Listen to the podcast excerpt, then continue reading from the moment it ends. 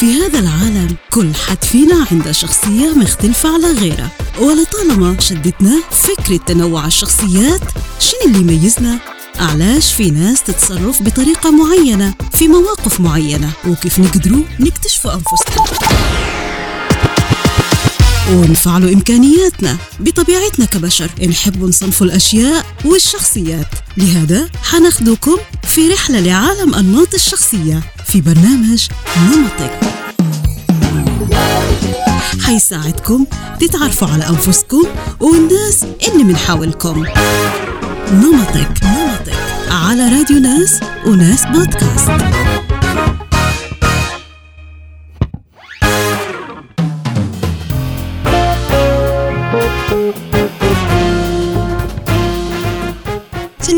الأولى لرحلتنا في عالم الأنماط هنوقف على أشهر وأكثر الأنماط شيوعاً بنسبة 14% تقريباً وهو نمط ال ISFJ ويعرف نمط المدافع أو الحامي لاشتهار أصحاب النمط هذا بأنهم عندهم صفات وقائية وحس دفاعي وحامي تجاه الأشخاص اللي يحبوهم.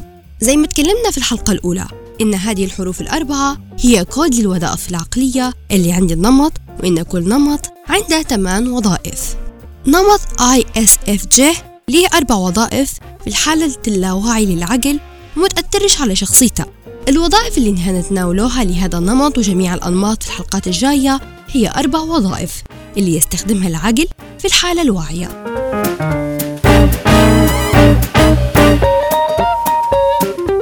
الوظيفة الرئيسية للنمط هي الحس الداخلي. صاحب النمط هذا يستخدم الماضي لتفسير الحاضر. تلقائيا لما يستقبل أو يخزن معلومات جديدة. يبدأ يقارن فيها بالمعلومات اللي مخزنة عنده من تجارب وأحداث وأصوات وحتى وجوه وعلى طول يربطها بالخبرات السابقة. المشكلة اللي ممكن تصير لما يعتمد صاحب النمط هذا على الوظيفة اعتماد كبير. إنه ما يعرضش نفسه لأي تجارب جديدة ورح يعلق في دوامة الروتين. المشكلة اللي ممكن تصير لما يعتمد صاحب النمط على الوظيفة هذه اعتماد كبير إنه ما يعرضش نفسه لأي تجارب جديدة ورح يعلق في دوامة الروتين. الوظيفة المساعدة هي الوظيفة الرئيسية اللي يتعامل بها النمط مع العالم الخارجي. من خلالها يقرأ أفكار ومشاعر الآخرين ويستجيب لها في شكل السلوك المهذب واحترام رغبات الآخرين.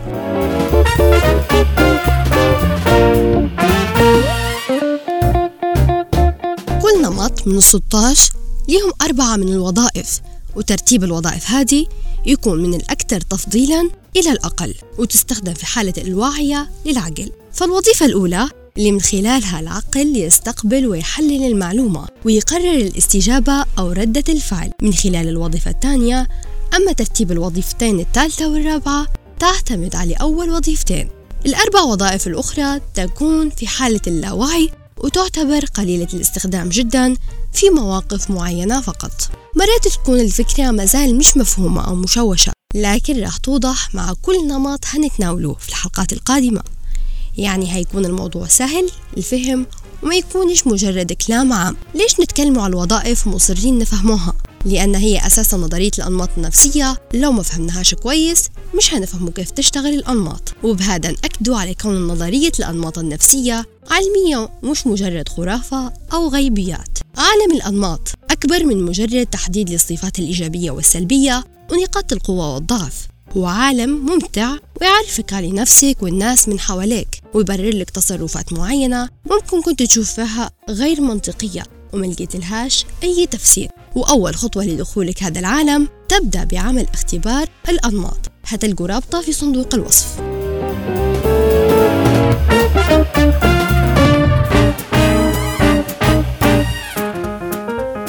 وشاركونا نتيجة النمط يلي طلع لكم. وتراقبوا الحلقات القادمة لأنها نبدو نتكلموا على كل نمط ووظائفه. في هذا العالم كل حد فينا عنده شخصية مختلفة على غيره. ولطالما شدتنا فكرة تنوع الشخصيات شنو اللي يميزنا؟